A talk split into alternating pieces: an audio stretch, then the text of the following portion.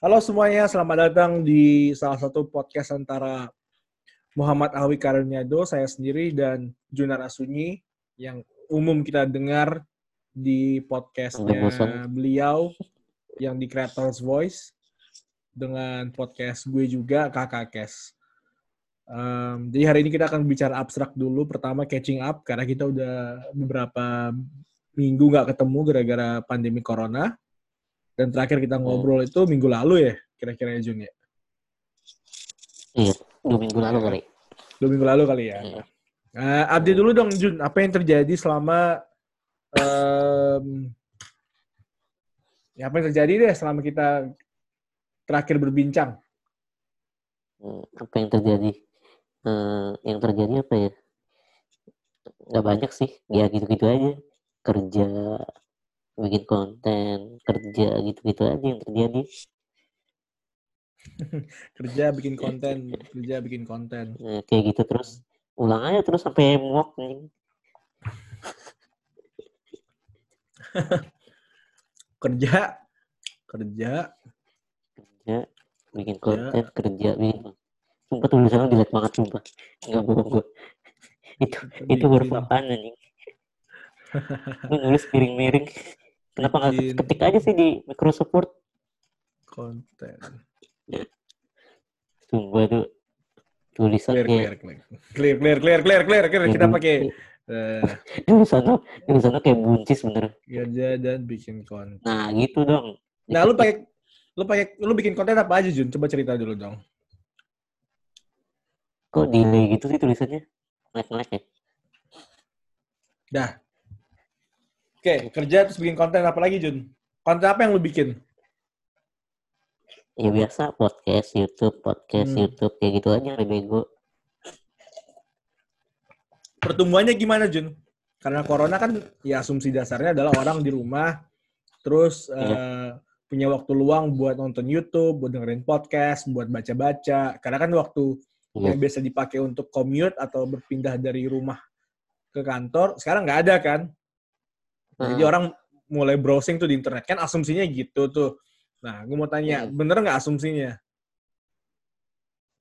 Uh, ya pasti bener lah. Kan semakin lama orang di rumah, uh, pengguna internet jadi semakin meningkat dan semakin lama kan. Jadi yeah. kayak kayak beberapa video gue di YouTube juga viewersnya naiknya lumayan cepet tuh. Jadi kayak Wih, ada dulu kayak jadi kayak uh, kalau gue kan gue sempet uh, bukan sempet sih gue emang sering kayak scrolling scrolling liat video-video jadul gue kan yang udah lama diupload ternyata video-video yang jadul ada beberapa yang udah mencapai angka 800, 900 kayak gitu. Jadi kayak yang awalnya cuma 300, Viewsnya. 400. Iya, iya viewsnya. Kan awalnya kan Congrats banget sih, congrats banget 200, 300. Tiba-tiba pas pas lagi pandemi ini tiba-tiba pas gue cek lagi buset sampai 600 sampai 700 bahkan ada yang sampai 900 kayak gitu. Jadi kayak lumayan meningkat uh, views viewsnya. Cuma subscribernya nggak meningkatnya nggak begitu nggak begitu signifikan. Meningkat meningkat juga cuma meningkatnya nggak nggak nggak secepat yang gue bayangkan sebelumnya. Mungkin karena orang mas orang terutama orang Indonesia kali ya. Orang Indonesia masih terlalu picky kalau milih konten tuh. Kayak masih terlalu milih-milih kayak kalau yang sifatnya edukasi itu mungkin mereka nggak terlalu suka nggak terlalu mau. Karena mereka apalagi sekarang kan lagi stay at home gitu ya lagi di rumah aja gitu kan. Pasti mereka butuh lebih banyak hiburan daripada edukasi kayak gitu. Jadi mungkin mm-hmm. channel-channel edukasi mungkin masih masih terus disampingkan sama para penonton kita gitu. Ya ya ya ya iya kan? Gila. Berarti lo udah udah aja. Hmm? viewers sama subscriber yang channel edukasi sama channel entertainment pasti beda kan? Growth-nya juga beda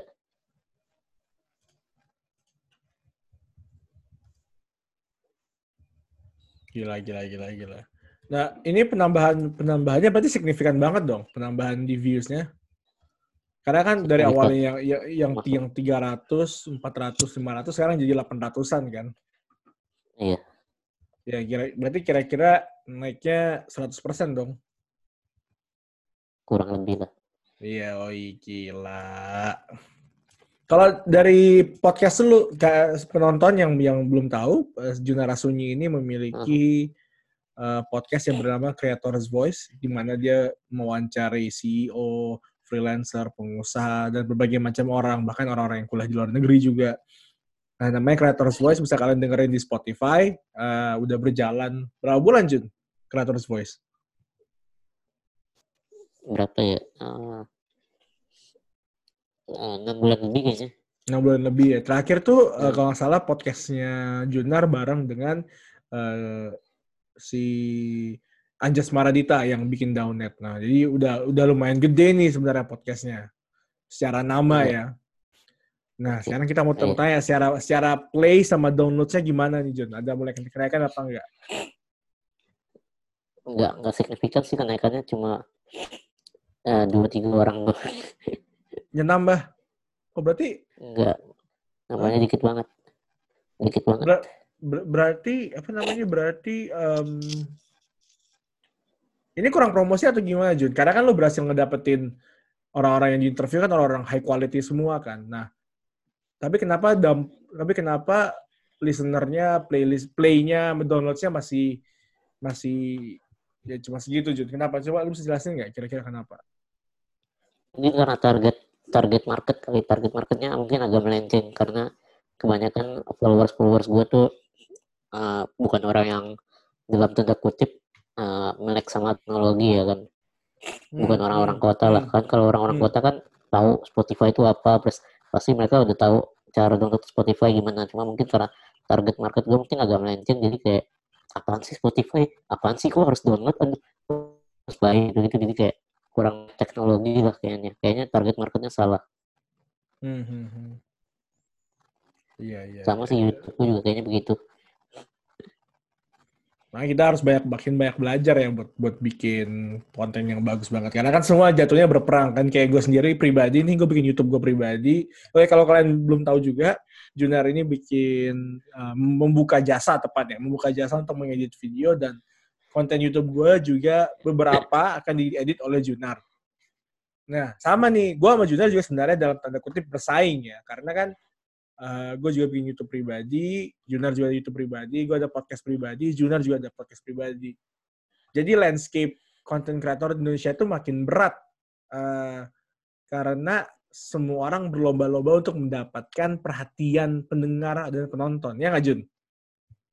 Betul betul.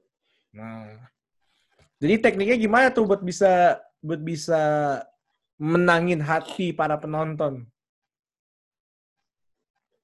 Hmm, gimana ya paling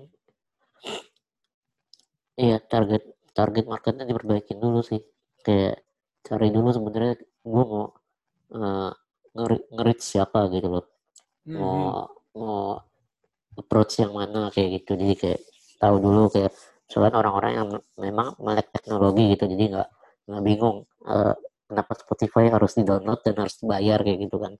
Kalau mm-hmm. YouTube kan nggak perlu kan bukan di browser aja bisa dan gratis kan. Kalau Spotify kan enggak iya, gitu sih. ya sih ya sih. Good I can um, tapi yang keren juga sih lu semangat sih karena gue pribadi ngejalanin YouTube gue ya Jun ya ini baru baru tiga bulan malah tepatnya dari bulan Maret April sekarang baru Mei gitu loh dan hmm. yang non yang nonton baru tiga ratusan gitu gue udah kayak aduh apa gue berhenti aja ya dulu sering begitu Rada gak sabaran sih orangnya, benar-benar. Gak sabar. Lo, lo selama WFH nih, transisinya gimana, Jun? Kita ngomongin WFH sekarang. Selesai dari konten, kita ngomongin WFH. Lo WFH gimana transisinya, Jun? Karena kan lumayan kaget ya. Kayak kita tiba-tiba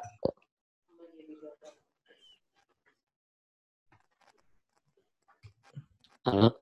Halo ya, kayak kita udah udah udah kelar ngomongnya. Ya udah udah. Oke, okay. uh, eh, ya kan kita ngomongin WFH ya. WFH kan juga cukup cukup mengagetkan ya, karena kan kita belum terbiasa dengan yang namanya remote working. Tiba-tiba, eh semuanya kita kerja dari rumah aja ya. Terus kan kalau misalnya kerja dari rumah hmm. kan masalah terbesarnya adalah otak kita tuh tidak bisa membedakan rumah dengan tempat kerja kan. Uh, Jadi Iya. tempat yang biasa lu pakai buat tidur lah, buat mandi, buat istirahat, sekarang buat kerja gitu. Lu gimana dampaknya gimana Jun? Perasaan belum pernah diomongin. Ya, kita kan mungkin lagi nih. Siapa tahu jawaban lu juga Iya. ada revisinya gitu loh. Sebenarnya ya pasti pasti perubahan lah. Kan kan ibaratnya ya ibaratnya kayak gini kayak misalnya awalnya lu sekolah gitu kan SD SMP SMA kurang lebih sama tiba-tiba lu kuliah beda banget kan? Kayak gitu. Hmm. jadi kayak transisinya kurang lebih eh, ibaratnya kayak gitu. Tapi mungkin kalau transisi kerja dari dari tadinya dari kantor terus tiba-tiba ke rumah itu eh perbedaan ada. Cuma mungkin kalau perbedaan buat beberapa orang kayak kayak gue sih gue kebetulan kayak kerja di kantor yang eh, membebaskan eh, orang-orangnya buat kerja di mana aja kan. Remote working gitu loh. Hmm, hmm. kalau gua kalau di perusahaan gua di perusahaan yang gua kerja maksudnya. Dia bisa remote working. Jadi kayak sebenarnya nggak eh, perbedaan ada. Cuma paling perbedaannya kayak eh, berkurangnya produk produktivitas pasti berkurang. Cuma Hmm. eh, Cuma apa Jun? eh, kerja langsung ke kantor itu eh, datang pagi gitu kan. Tiba-tiba kalau pas tiba-tiba di rumah aja jadinya bangun siang kayak gitu kan jadi kayak mulainya mulai kerja juga siang kayak gitu tapi tetap kita kita tetap eh, disiplin jadi kayak tiap jam satu kita meeting terus kerja sehari tetap 8 jam kayak gitu dan seminggu total seminggu 40 jam kan jadi tetap kita patuhi semua aturan itu supaya disiplin Hmm, hmm.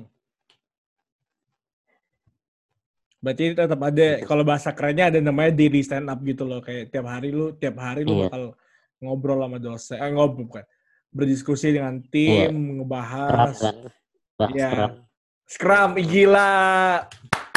Benar, bahasa yang biasa dipakai oleh orang startup itu adalah Scrum iya gue atau juga pakai itu iya kan atau- gue yang ke lu babi iya atau agile atau apa namanya yang kayak kaizen, kanban gitu-gitu kita pakai gitu kan. Makanya tadi gue pakai bahasa iya daily stand up ya. iya Scrum terlalu tapi kayaknya udah terlalu terlalu familiar deh semua semua startup pakai soalnya gue sampai bosen dengernya Ya benar, startup kan startup Iya. kan emang dibikin dengan mindset dan pola eh, atau pola pikir yang cepat kan, agile kan.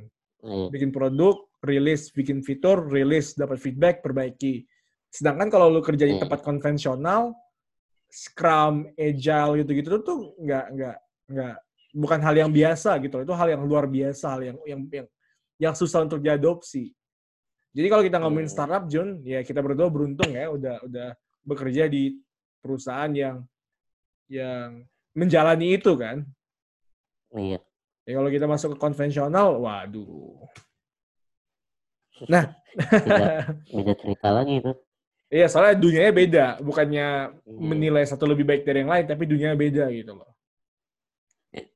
betul betul Nah, sekarang kita bahas apa, Jun? Gue udah mulai rada buntu nih. Dan juga gue gua Jadi- nganggap gue nganggap pembicaraan ini kayak trial dulu sih, karena kan gue belum pernah free pakai trial Iya, free trial. Maksudnya kayak ini kan buat buat podcast yang bakal dimasukin ke video di YouTube. Hmm. Jadi kayak bahasanya trial. yang gue Trial. yang gue omongin di live Apa yang copyright?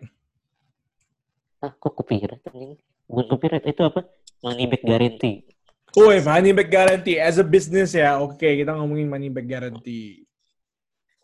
nah gimana menurut lo nah sebelum Money Nah, back. gini gini sebelum sebelum money back guarantee kan eh maksudnya ada dua sebenarnya money back gu- guarantee atau one on one coaching ya kan one on one uh, consultation gitu consultation atau coaching bisa coaching sih ada dua itu kan gimana Hmm. menurut lo eh, teknik ini kan ini dua ini termasuk teknik entrepreneur kan jual sebu- satu sebuah produk kalau misalnya lo nggak puas lo bisa money guarantee dalam beberapa dalam waktu yang telah ditentukan gitu kan dengan prosedur yang sudah ditentukan.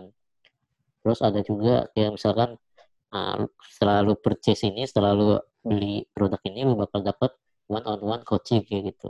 Nah, jadi money guarantee dan one on one coaching ini jadi jadi dua teknik yang sering digunakan oleh para entrepreneur. Nah menurut lu gimana Oke, pertama kita ngomongin money back guarantee dulu ya, karena Iya. eh gue belum terlalu nangkap yang bagian coaching. Eh, kita ngomongin money back guarantee. Money back, record kan? udah, udah, udah record kok. Udah, udah. Record audio udah. Udah dong. Kan kalau record Jangan di Zoom earphone. semuanya di record. Oh iya, jangan pakai earphone. Maksudnya jangan pakai earphone. Enggak, gue pakai mic gue. Oh, oke oke. Dari awal, makanya gue settingnya tadi lama. Karena gue harus setting audio sendiri, speaker sendiri, apa, eh, speaker sendiri, mikrofon sendiri, bahkan video sendiri. Gue pakai tiga alat yang berbeda, makanya lama banget tadi. Iya, ntar gue mau minta juga soalnya. Iya, iya. Nah, ini kita ngomongin money back guarantee ya. Bagi gue itu money back guarantee itu eh, bukan cuma sekedar teknik marketing ya. Hmm. Tapi bagi gue itu sebuah teknik untuk menumbuhkan rasa percaya dari konsumen. Karena misalnya gini, saat konsumen ingin membeli sesuatu, kan konsumen harus mengetahui dulu kan value apa yang bakal gue dapetin dari barang yang akan gue beli. Nilai apa yang bakal gue dapetin kalau gue beli barang ini, manfaatnya apa, secara jangka panjang untung apa enggak. Bila tidak, bila ternyata keputusan gue salah terhadap nilainya, manfaatnya, dan dan benefit di jangka panjang, ya sebaiknya gue punya dong kayak safety net misalnya uh, uangnya kembali lah misalnya full Hmm. atau parsial gitu kan atau beberapa persen doang. Seenggaknya gue nggak serugi itu kalau gue salah ngambil keputusan atau gue salah membeli barang gitu loh. Atau ternyata barangnya nggak cocok. Ya kan? Jadi sebenarnya money back guarantee itu bagi gue lebih dari sekedar marketing tapi menumbuhkan rasa saling percaya dengan konsumen. Kita sebagai pengusaha bilang bro kalau lu beli barang kita dan ternyata lu nggak suka it's fine. Uang lu bisa kembali. Berarti lu aman-aman aja. Bahkan kita dapat feedback nih ternyata lu nggak cocok karena masalahnya ini karena fiturnya jelek karena mungkin UI UX-nya nggak seenak itu. Jadi Hmm. win-win lah ya. Lu lu dapat uang lu balik dan gue dapat feedback dari lu sehingga produk gue bisa jadi lebih baik ke depannya. Di satu sisi selain menumbuhkan rasa percaya rasa saling percaya dengan konsumen, konsumen dengan pengusaha, itu juga memberikan rasa aman dengan konsumen. Jadi konsumen aman gitu loh. Kalaupun gue beli barang ini atau jasa ini dan ter- dan ternyata kurang cocok, seenggaknya uang gue dalam tanda kutip aman, bisa balik lagi. Mungkin baliknya 50%, mungkin baliknya 100%. Tapi intinya ada uang balik gitu loh. Itu indah sih bagi gue. Gue sebagai konsumen pun tidak hanya melihat perusahaan ini dapat dipercaya, tapi juga it's safe for me buat beli barang tersebut atau buat beli jasa yang ditawarkan perusahaan tersebut. Itu sih. Hmm. It's more than marketing kalau di mata gue ya, money back guarantee. Tapi Hmm. berarti setelah money back guarantee, Ya? eh, back dari customer gitu kan, supaya kita tahu kita kurangnya di mana kan. Hmm. Nah, tapi kalau misalkan money back guarantee kan eh, misalkan kita nggak nggak puas sama produknya, jadi eh, mau money back guarantee. Tapi kalau misalkan kan eh, ya yang namanya customer ya customer kan juga manusia kan. Tiba-tiba customer bohong misalkan, dia bohong dia bilang ah ini produk gak berguna, gue pakai misalkan anggaplah produk online course gitu ya. Ah, online course-nya gue nggak bisa bisa padahal sebenarnya dianya aja yang nggak nggak apa nggak perhatiin dengan baik gitu loh di online course tapi uh, dia cuma Hmm. kayak uh, cuma mau money back garansi cuma uh, Mhm. karena dia merasa menyesal gitu. Padahal sebenarnya uh, dia belum pelajarin sampai tuntas kayak gitu. Jadi kayak gue gak mau pokoknya gue mau uh, duit gue balik gitu loh. Nah gimana caranya supaya kita sebagai entrepreneur kita tahu bahwa uh, dia itu benar-benar ngejalanin apa yang kita kasih di produk kita. Misal produk itu online course dia benar-benar jalanin online course-nya sampai tuntas supaya kita tahu ini benar-benar ngomongnya nggak bergunanya tuh benar-benar eh, benar-benar jujur nggak guna itu cuma berbohong doang supaya eh, duitnya balik lagi kayak gitu kita sebagai entrepreneur tuh gimana tuh Oke. Jujur dengan testimoninya. kenapa Oke. Lu, lu belum bisa lihat kan di layar? bisa bisa kok bisa Ini yang pertanyaan kan sebagai pengusaha harus ngapain? Hmm. mana kita customer kita jujur apa enggak pertama ya, kalau misalnya konsumen berubah pikiran, menyesal atau dalam tanda atau ya frankly speaking bohong, Itu Iya. adalah resiko yang harus dihadapin oleh pengusaha. Titik. Oke. Nah, tapi bag- kita harus pengusaha pun harus ada yang namanya safety net dong. Misalnya ya, em, misalnya kalau lu pengen money back guarantee, lu baru beli dalam waktu dua jam lu minta uangnya balik, unfair dong, ya kan? Karena Iya. dalam waktu dua jam lu belum selesai, misalnya online course-nya, baru mungkin selesai 10% dan lu udah bilang kayak, no, it's bad, gitu. Enggak. Jadi misalnya lu bisa bikin um, money back guarantee-nya itu setelah 30 hari, atau setelah kontennya lu habisin dulu dan lu bisa kasih penilaian, gitu loh. Hmm, 30 hari lah. Atau misalnya 15 hari. Atau misalnya kita bikin dulu peraturan di mana at the very least be- beberapa hari atau kontennya selesai dihabisin dulu. Baru dia bisa, eh gue minta refund dong, gue minta uang gue balik dong gitu. Iya. Bagi gue itu lebih fair. Bagi gue itu lebih fair gitu loh.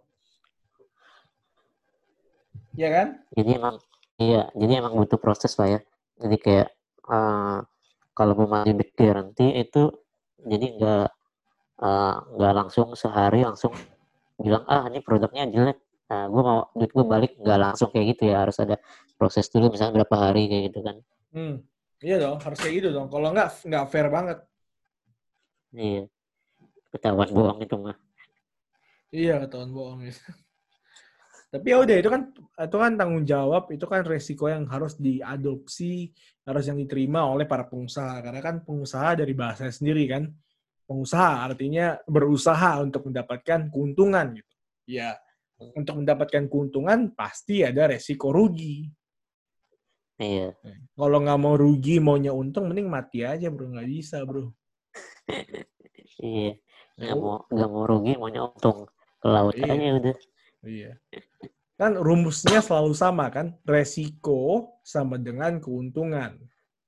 Semakin tinggi resiko yang kamu hadapin, semakin besar keuntungan yang kamu peroleh. Semakin besar juga calon kerugiannya, potensi kerugiannya. Ya, nggak bisa gitu. Iya.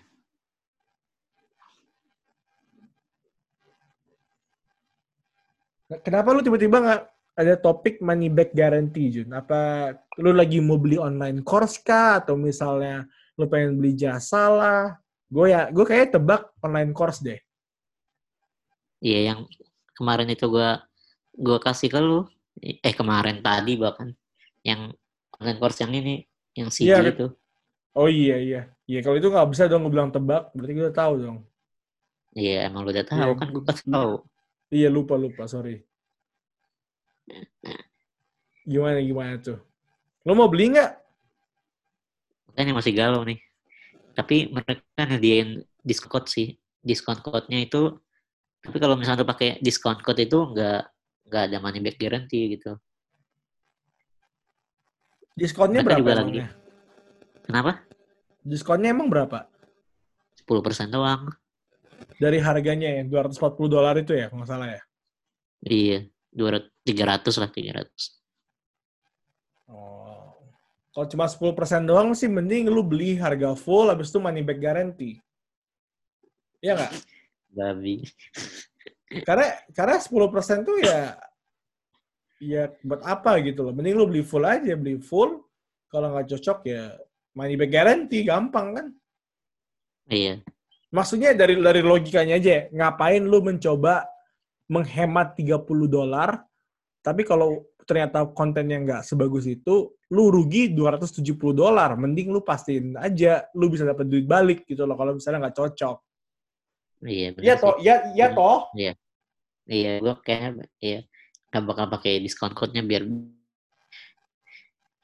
bisa money back kalau nggak cocok. Iya dong, harus begitu dong. By, by the way, ini kan lu bikin Instagram live kan? Nah, Berapa yang dengerin? satu. Nah, aku PH juga lagi. Siapa tuh?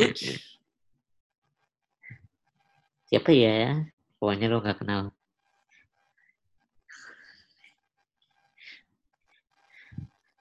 lu join lagi. Babi.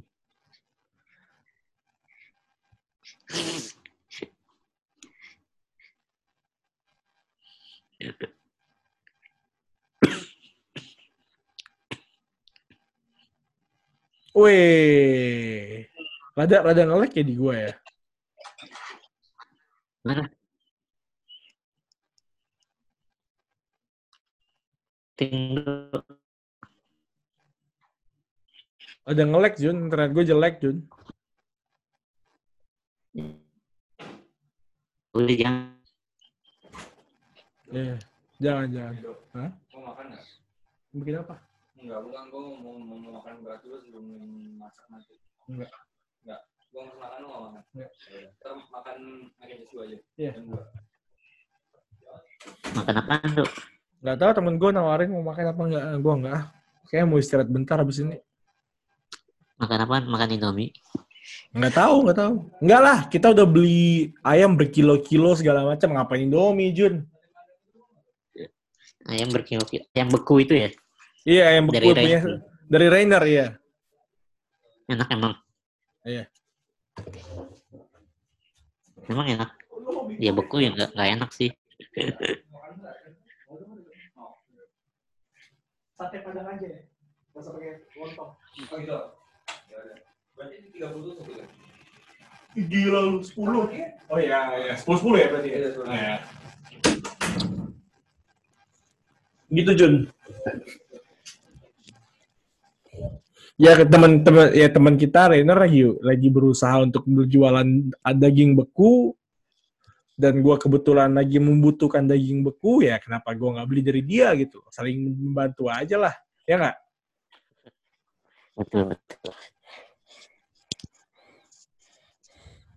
ada lagi nggak mau dibicarain nih kayaknya untuk podcast pertama kita melalui zoom dengan drawing di whiteboard kayaknya kurang kurang wah gitu ya rasanya ya kayak ada yang salah gitu ya Sini gue yang share screen deh. Eh, gimana caranya Lu matiin dulu share screen-nya. Gue share screen nih. Oke, kalau gitu gue tutup dulu ya. Abis itu kita bikin podcast baru aja, Jun. Gue telepon lagi gimana? Ntar lagi udah 40 menit soalnya. Oh ya udah. Yo, yo. Gue yang Thank you, aja. Eh, thank you udah dengerin, Iya. bos. Iya, kirim dulu datanya. Iya, maksudnya gue lagi ngomong ke penonton nih. Thank you udah dengerin podcastnya. Yoi, bye-bye. Eh. Stop recording.